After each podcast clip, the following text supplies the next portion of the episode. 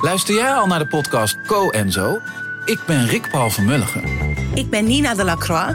En samen met jouw man René voeden wij twee kinderen op in twee huizen. Co-ouderschap. We hebben het over alles wat je daarin tegenkomt. Maar ook over de juice tijdens onze kinderloze dagen, want die heb je ook in het co-ouderschap. Een podcast voor alle ouders in alle vormen, maar ook voor alle mensen zonder kinderen. Zijn we eerlijk, heerlijk herkenbaar. Dus luister naar Co en Zo in je favoriete podcast-app.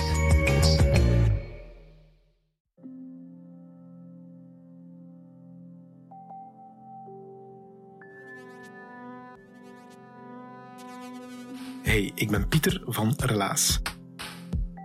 In Relaas hoor je waar gebeurde verhalen en die worden verteld door de mensen die ze zelf hebben meegemaakt.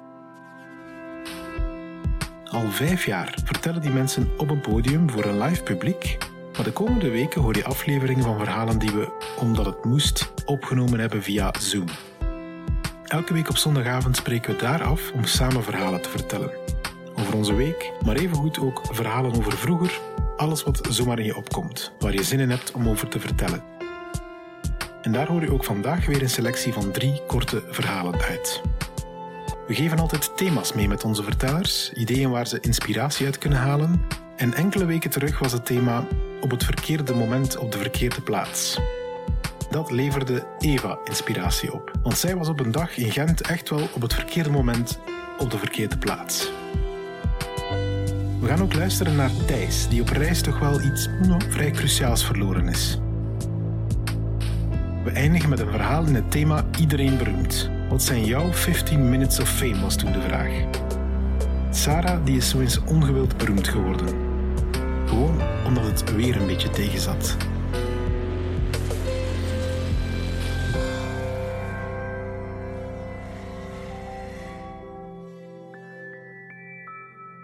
Ja, ik ben door een paar achteraf gezien verkeerde keuzes helemaal op een verkeerd moment op een verkeerde plek terechtgekomen. Vorige zomer. En daar wil ik graag iets uh, over vertellen. Uh, dus we gaan één zomer terug. Juli vorig jaar. En uh, iedereen weet, in juli Gentse feesten in Gent. En als geboren en getogen Gentenaar, mijn man ook, uh, is dat heel belangrijk voor ons, de Gentse feesten. En wij proberen altijd minstens een paar dagen van die Gentse feesten in Gent aanwezig te zijn. Dus nog niet op reis te vertrekken. Dus dat is keuze nummer één. We zijn niet op reis vertrokken. Uh, tot de vrijdag van de Gentse feesten. Dus we hadden eigenlijk bijna vijf, zes dagen Gentse feesten.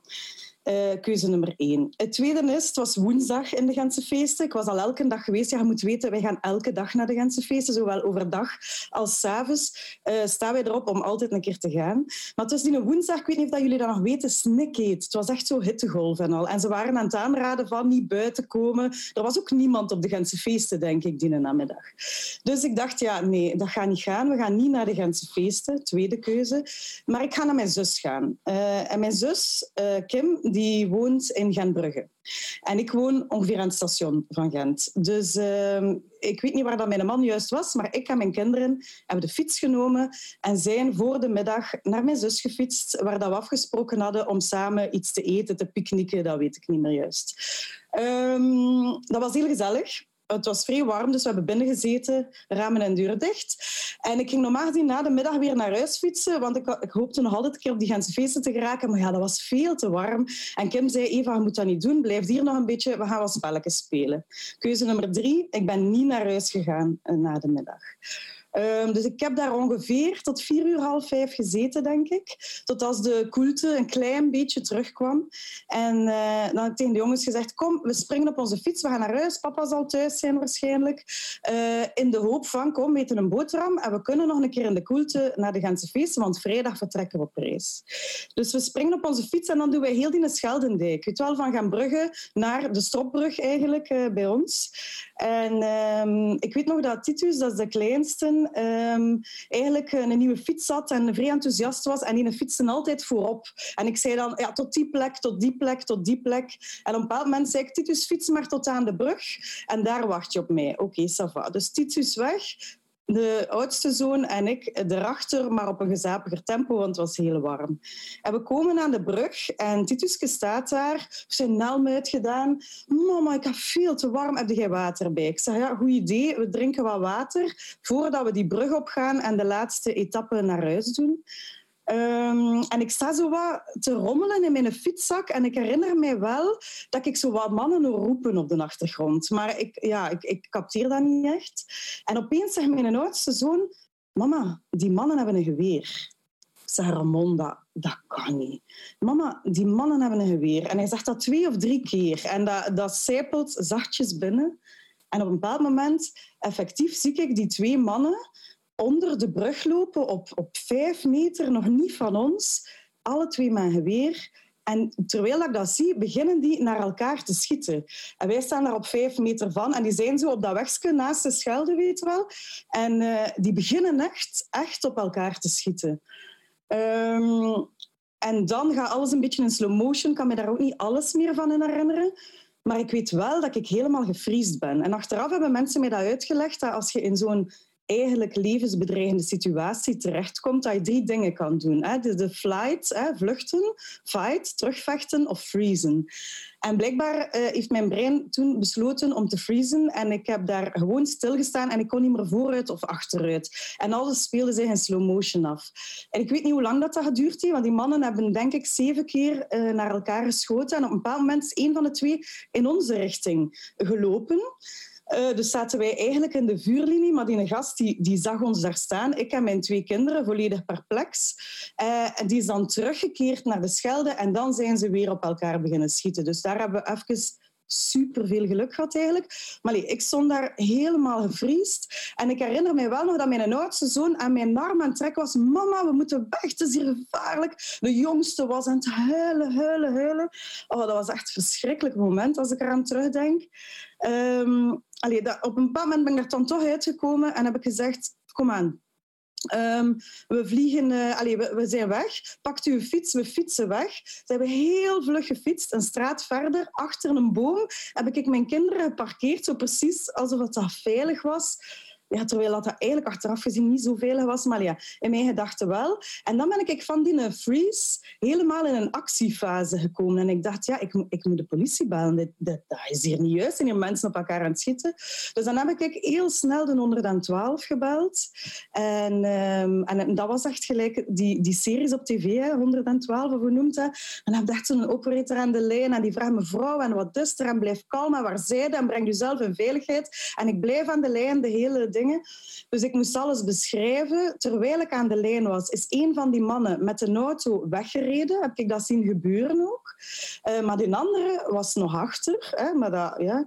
en, uh, en binnen de vijf minuten stond daar vol politie. Combis, zwaantjes, uh, politie zonder zwaailichten. Van alles en nog wat kwam ertoe. En van zodra dat er een agent naar mij kwam, op die crime scene eigenlijk, heeft een meneer aan de lijn gezegd, ik ga u nu laten in de hand van de volgende agent. Hè. En begonnen die mij weer dingen te vragen, dit en dat. De mug is er dan toegekomen. Uh, dus wat bleek, een van die mannen was weggereden in zijn auto, hebben wij gezien. En een andere man die zo dicht bij ons gestaan heeft, die we eigenlijk heel goed hebben herkend, die lag op de grond en die was geschoten in zijn been, gelukkig. Hè. Dus uh, er was gelukkig geen dode gevallen, maar die is dan weggevoerd met de mug. Ik heb heel lang wat getuigenissen moeten afleggen bij die politieagent, maar die hebben dan met mijn huilende kinderen, want die stonden daar helemaal perplex naar huis gestuurd. Dus ik dan over die brug met mijn kinderen. Oh, ik, ga dat nooit vergeten. En uh, dus in plaats van naar de Gentse feesten te gaan in een avond, heb ik eerst een uur slachtofferhulp bij mij thuis gehad. Uh, wat dat heel goed was trouwens. Zo'n mevrouw die ons helemaal gerustgesteld heeft en die fright, uh, fight, flight, freeze dingen heeft uitgelegd en alles. En dan heb ik heel de avond de recherche, en ik herkende die van op tv. Die recherchemannen zaten in mijn living en hebben wij persoonsbeschrijvingen moeten geven, auto's herkennen. Die zijn nog de naam van mijn zoon gaan halen op de crime scene, want daar nog. Dus wij hebben die uh, heel de avond geholpen. Dus in plaats van de ganse feesten zat ik precies in zo'n een of ander tv-programma waar ik zo graag naar kijk. En ik kan er nu wel mee lachen, maar ik heb er heel lang eigenlijk van afgezien. Ik ben daar zelf in therapie voor gegaan, ik wil dat uh, eerlijk toegeven. Maar, eh, en ik, ben blij dat ik dat een keer kan delen, maar ik was echt, echt op de verkeerde moment op de verkeerde plaats.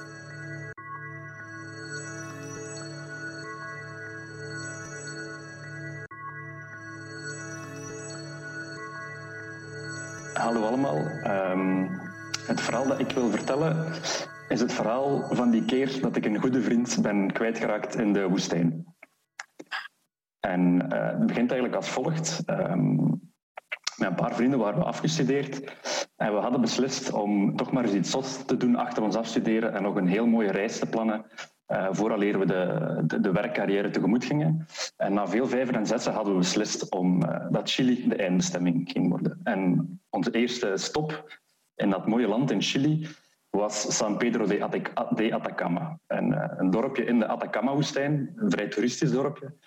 Um, en zoals de naam zegt, het ligt in de Atacama-woestijn. Um, en dat is eigenlijk een heel bijzondere plek. Het is bijvoorbeeld de meest droge plek op aarde wat mij bijvoorbeeld al fascineert. En, dat vind ik heel interessant. En het is ook de enige plek waar je um, sterren kan zien uit een ander sterrenstelsel. Dus die niet uit onze melkweg komen, maar van daarbuiten. Omdat de, ja, het, ligt, het is daar zo droog, je zit daar zo hoog, dus je kan, dat is de enige plek waar je dat kan zien. En wij dachten echt van, ja, dat is de plek waar we onze onvergetelijke reis kunnen starten. En hier gaan we echt uh, ja, het, het, het mannenleven tegemoet en gaan we, gaan we leuke dingen kunnen doen. Um, en we zijn een uurtje in de stad, we zijn net in onze hostel en uh, we maken een praatje met de barman in die hostel. En die, vraag, die zegt eigenlijk direct, uh, niet veel mensen mogen het weten, maar gaan jullie vanavond naar een feestje in de woestijn? En wij dachten, ja, dat, dat is wel prachtig. We zijn uh, nog, maar, nog maar enkele uren in Chili en we worden direct uitgenodigd op een feestje in de woestijn. Dat kan eigenlijk niet meer stuk dat, ja, dat wordt fantastisch. Dus wij zeggen uiteraard, ja, dat gaan we doen. En die kerel zegt, ja, uh, vanavond pikt een zwart busje jullie op en dan uh, worden jullie naar daar gebracht. En zo, ja, zo geschiet. We worden opgepikt door een zwart busje, rijden nog even door het dorp langs een lokale nachtwinkel om ventjes te gaan halen. En we rijden dan uh, naar het feestje in de woestijn. Dat is een rit van ongeveer een half uur. Het is spikdonker. Af en toe rijden we door een, een opgedroogde rivierbedding, lijkt het wel. Uh, soms zie je de contour van een rots. Ja, je ziet heel veel sterren uiteraard, want die zijn daar eh, heel, heel fel aanwezig. Maar voor de rest gewoon woestijn richting onbekend ja, onbekende autorit van een half uur in een zwart busje. En na een half uur komen we aan op een plek, een oase, zowaar, uh, vlak naast een rotswand. Daar staan wel wat bomen, er is een, droge rivierbedding. Het ziet er fantastisch leuk uit. Um, daar branden ook een aantal vuren. Um, en naast die vuren waren daar dus ook 100 mensen. Was daar een volledige bar en was er een volledige soundsystem-installatie met DJ's in het midden van de woestijn. Dus wij dachten, ja, als dat het begin is van ons geweldig avontuur, dan uh, dat is wel een, een heel goede start. Dus ja, we nuttigen natuurlijk de, de, de, pintjes die we mee hebben. We slaan daar ook nog een aantal pintjes in. En we, we dansen eigenlijk de woestijnnacht in. Um, rond de vuren, want het, uiteraard in de woestijn koelt het behoorlijk uh, sterk af. Ik denk dat het misschien ja, min vijf is geweest die nacht of zo. Um, en ja, een, een heel leuke avond. We ontmoeten daar heel veel mensen. Uh, dus fantastisch leuk. Maar natuurlijk, elk feestje heeft ook zijn einde. En rond een uur of vier uh, wordt alles daar, uh, daar afgebroken en moeten we dus naar huis gaan. En ja, dan begint er eigenlijk de fase waar we absoluut ook nog niet over hadden nagedacht. Van ja, hoe gaan we nu eenmaal terug? We hadden vervoer gefixt heen en wat de pintjes gefixt voor op het feestje. Dus alles leek geregeld. Alleen de terugweg was precies iets minder uh, over nagedacht. Maar gelukkig um, waren we in ons gezelschap, en ja, dat was ik eigenlijk nog vergeten te vertellen, maar we waren met vier op, op reis. Uh, mezelf, mijn broer en twee vrienden. Uh, ikzelf en mijn broer hadden een vriendin, dus ja, we waren zeker niet op zoek op het feestje. Die twee andere kerels, dat was een ander paar mouwen. Um, beiden hadden ze een Chileense lokale, lokale dame ontmoet. En zij stonden ook duchtig te kussen natuurlijk tegen vier uur s'nachts toen het feestje was afgelopen. En uh, op zich heel mooi voor hen. En uh, het mooie daarvan was ook dat die ene vriend, het, uh, die had een meisje leren kennen die toch wel de, de capaciteit had om een jeep te kunnen fixen voor de weg terug. Dus ja, dat was al een heel goede match. En een beetje later zitten we dus in die jeep van dat, uh, dat, dat ene, ene, meisje had geregeld, samen met die vriend van het jeepmeisje en ik en mijn broer, maar zonder onze andere vriend. Want die uh, wou nog een vervolg bereiden aan de geweldig leuke avond of nacht uh, in de woestijn. En die wou nog wel even langer bij dat meisje blijven. En op die moment, hadden allemaal wel een paar pintjes op, leek dat eigenlijk ons wel een heel logische beslissing van die kerel. Dat we dachten, ja, geniet er maar van. Wij zijn op vakantie, de wereld ligt aan onze voeten en zeker aan die van jou, dus doe gerust. En ja, een beetje de, ochtend erop worden wij, worden wij wakker. En kijken we in de tent van uh, die ene vriend die was achtergebleven en die is daar nog niet. En dan denken we, ja, dat is uh, vreemd en misschien niet zo goed nieuws en een beetje bekomen van de, de alcohol de dag erna, dachten we ook, misschien was dat ook niet zo'n heel goed idee om die gewoon een half uur verwijderd van een klein dorpje in het midden van de woestijn, nadat we onze tweede dag in Chili zijn, uh, achter te laten. En ja, het was ook nog een tijdperk zonder uh, smartphone. Die had zijn gsm ook gewoon niet mee naar dat feestje, dus dat was, ja, we waren een heel klein beetje ongerust. Maar we dachten ook, we zijn allemaal alle vier verstandige kerels. Uh, we gaan nog even wachten en dan komt hij wel opdagen. En een uurtje later hadden we ook een, een mountainbike-tocht gepland. Dus we dachten, die zal nog wel weten dat die mountainbike-tocht er is. Die zal hier wel, stept voor het begin van de mountainbike-tocht, zal die opdagen. Ja, een uurtje later moeten wij starten met de mountainbike-tocht door de woestijn. En ja, die kerel uh, die is daar natuurlijk niet. We kunnen die ook niet gaan zoeken, want we weten ook niet waar dat feestje plaatsvond in het midden van de nacht. Ondertussen heb ik het gevonden op Google Maps. Maar dat terzijde. Maar toen wisten we het dus helemaal niet. En uh, ja, wij beslissen dan maar, oké, we gaan toch die mountainbike toch doen voor een uurtje of drie. En we schrijven een brief, we leggen die op zijn hoofdkussen, waarop staat, uh, beste man, we zijn heel ongerust. Um, wil je om vijf uur naar het dorpsplein van dat bepaalde dorpje gaan en we wachten op jou daar en we spreken daar af op dat café en daar drinken we een, een pintje om uh, onze ongerustheid te vergeten ja, wij beginnen aan de mountainbike-tocht en ondanks het geweldig mooie landschap daar, kunnen we ons daar toch niet helemaal op focussen, omdat ja, we zijn wel een van onze vrienden die is een beetje kwijt in de woestijn.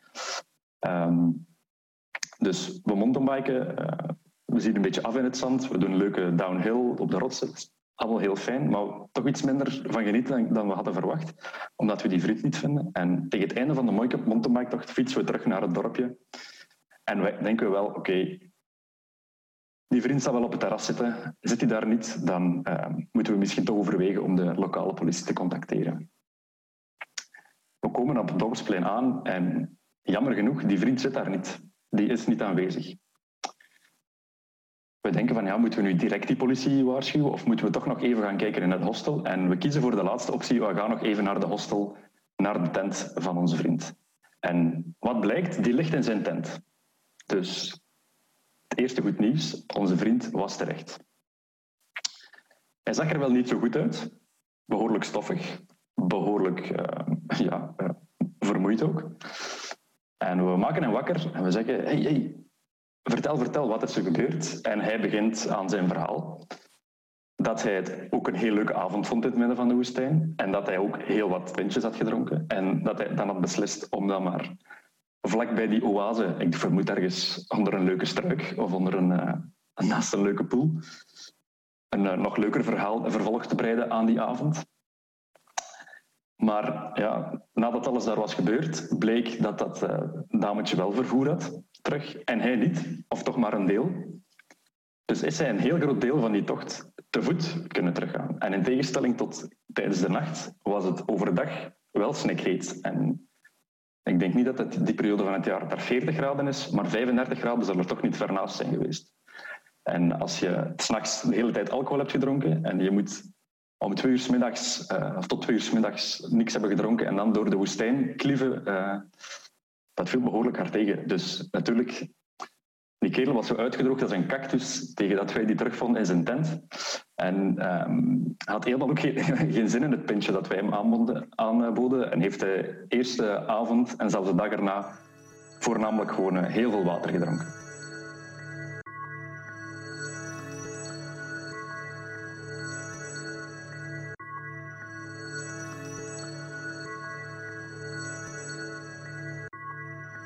Mijn verhaal gaat eigenlijk mee in de categorie van iedereen beroemd. Um, en er zijn eigenlijk twee zaken die het mogelijk hebben gemaakt. Dat is mijn verjaardag en uh, een storm. En het gaat eigenlijk als uh, volgt. Ik verjaar op 28 december. En uh, we hadden een verjaardag slash kerst nieuwjaarsfeestje, zoals dat, dat meestal jaarlijks gaat rond mijn verjaardag. En ik kreeg van een goede vriend van mij een cadeau. En dat was een nummer, een gsm-nummer. Ik moest daar een bericht naar sturen en dat ging mijn verjaardagscadeau zijn. Nu, uh, ik ben heel fan van uh, mysterie en van verrassingen, dus ja, ik was direct getriggerd. Ik stuur daar een bericht naar en ik krijg een heel formeel bericht terug. Zo precies of dat een automatische sms-antwoord was. Um, dat eigenlijk mijn order bevestigd was. Uh, ik ging verder op de hoogte gehouden worden in de weken die volgden met een aantal aanwijzingen en een aantal tips. Um, en mijn dag ging eigenlijk uh, in vervulling gaan. Dus oké, ja, super raar. Ik wist helemaal niet waarover dat, ging. Uh, heel spannend allemaal. En effectief, de weken die volgden, ik moest een datum kiezen waarop dat de verrassingsdag ging doorgaan. En ik kreeg heel vage aanwijzingen. Er werden wat vragen gesteld. Uh, ik kreeg een aantal dingen die ik moest doen. Um, zo komen we eigenlijk uiteindelijk tot op de echte verrassingsdag. En dat was dit jaar 9 februari. Nu, ik weet niet of dat sommige mensen zich dat nog herinneren, maar op 9 februari dit jaar dan uh, blaasde eigenlijk de storm Kiara door ons land. Um, dat was de storm redelijk groot wel nog. Dat was code oranje toen. Uh, hier waren alle parken ook gesloten. Alle evenementen werden eigenlijk afgelast. En dat was de dag waarop dat mijn evenement, mijn verjaardagsverrassing, toch nog kon doorgaan. Uh, dus, ik, ik ontmoet mijn vriend op de, het afgesproken uur. En we zijn met nog een aantal andere mensen erbij. En ja, ik ben super curieus natuurlijk. Ik wil echt wel ongeveer weten wat dat er bij te wachten staat. En eigenlijk de laatste aanwijzing die ik had gekregen was dat ik sportieve kledij moest meenemen. En dat ik warme kledij moest aandoen. Dus ja, ik ga ervan uit dat we ons misschien even moeten verplaatsen en dat er dan iets sportief leuk te wachten staat. Maar uiteraard ga ik ervan uit dat dat binnen gaat gebeuren en niet buiten, want het was heel slecht weer. Dus ik doe een beetje casual sportieve kledij mee en we vertrekken. En we zijn aan het rijden en we zijn zo redelijk lang aan het rijden. En ik begin mij echt al af te vragen van, maar waar gaan wij hier? En in één keer kruisen wij zelfs de grens van Nederland. En dan wist ik het echt helemaal niet meer. Wat moesten wij op zo'n dag, het was een zondag, in Nederland gaan zoeken waarvoor ik sportieve kledij moest aandoen? En dan begon er al een tipje van de sluier dat werd opgelegd. Um, er is namelijk in Nederland iets dat ze organiseren bij stormweer. Dus hier in België worden alle parken gesloten. Iedereen wordt zo wat gezegd van je moet thuis blijven. In Nederland doen ze dat niet. In Nederland is er juist één specifiek evenement dat wel juist doorgaat met noodweer. Dat is namelijk het Nederlands kampioenschap tegen de wind in fietsen. Um, om dat eventjes te kaarten, wat houdt dat in? Um, er moet windkracht 9 à 10 zijn. Het noodweer moet afgekondigd zijn. En dan is dat een parcours van 8 kilometer dat je op een dijk tegen de wind in moet fietsen op een stadsfiets. Meer bepaald een herenstadsfiets, zonder versnellingen en met een achteruitraptram. Nu, dat wist ik op die moment nog niet allemaal. Dus wij gaan die grens over. En ik zie in één keer, we gaan op de dijk in Zeeland, en ik zie zo een wapperende boog met finish erop staan. En ik denk al, het gaat toch niet waar zijn? Het is effectief iets buiten. Ik zie dan ook zo mensen trappen en niet gewoon fietsen, maar echt trappen voor hun leven om vooruit te geraken. En op die moment worden de doeken opengelegd en kom ik dus te weten dat ik ben ingeschreven voor dat Nederlands kampioenschap tegen de wind in rijden. Nu, op die moment denk ik zo nog van ja, dat gaat zo ongeveer wel een mop zijn, zo à la wedstrijdje gsm werpen of cricketpit spuwen. Dat gaat zo gewoon maar een lokale grappige gebeurtenis zijn. Nu, stap voor stap wordt mij duidelijker dat dat toch wel een serieuzere bedoeling is dan dat. Er is effectief een bus die wordt ingelegd van de ontmoetingsplaats naar de startpositie. Dan kom ik ook te weten dat dat wel degelijk acht kilometer is. En niet zomaar een kilometer even je best doen. En dan het ergste van al, ik stap op die bus en ik zie dat dat vol zit met wielerfanaten. Mensen allemaal strak en koerstenu.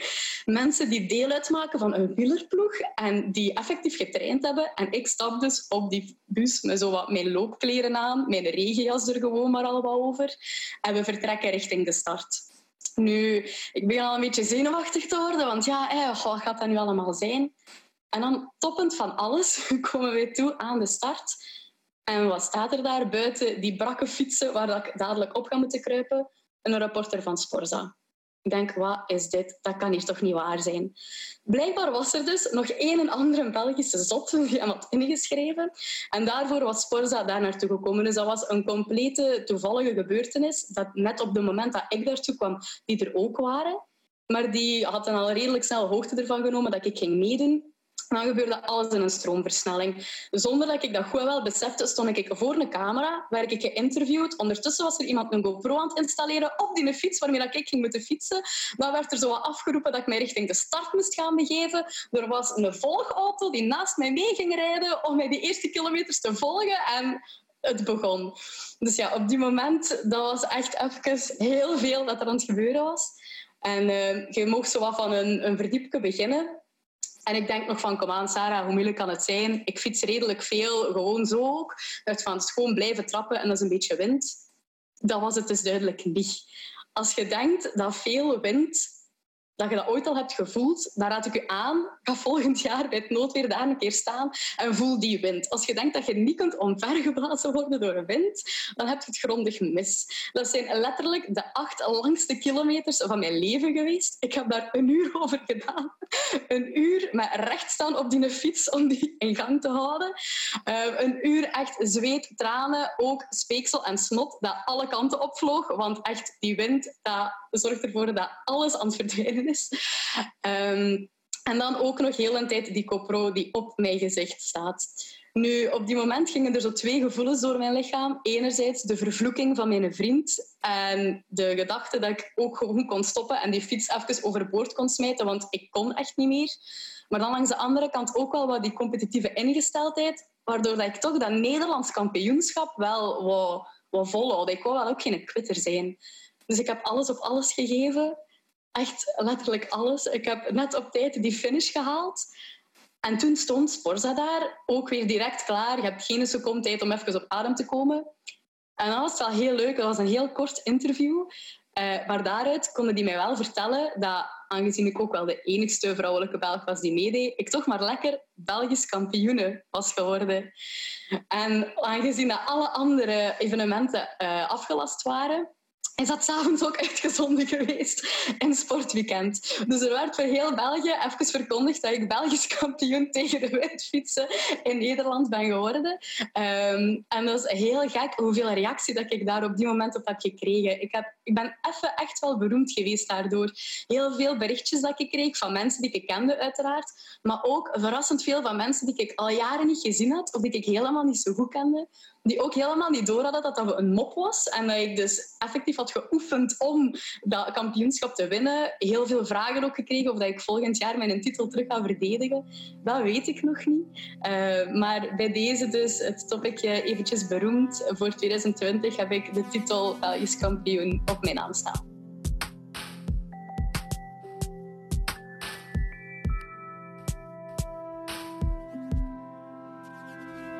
Dat waren de verhalen van Eva, Sarah en Thijs.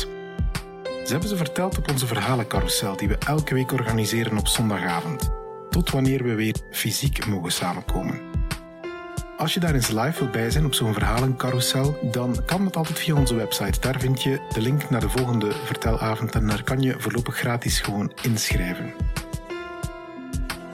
En je weet het, vertellers laten zich niet stoppen door corona. Ze zijn op zoek naar andere platformen, andere technieken om te doen wat wij het liefst van al doen: een verhaal vertellen. En jij kan dat ook doen als luisteraar, gewoon digitaal blijven luisteren. En wie weet kunnen we over enkele maanden weer samenkomen in Gent of in Antwerpen om het eens live samen mee te maken. Tot dan, hou je goed en hou het vooral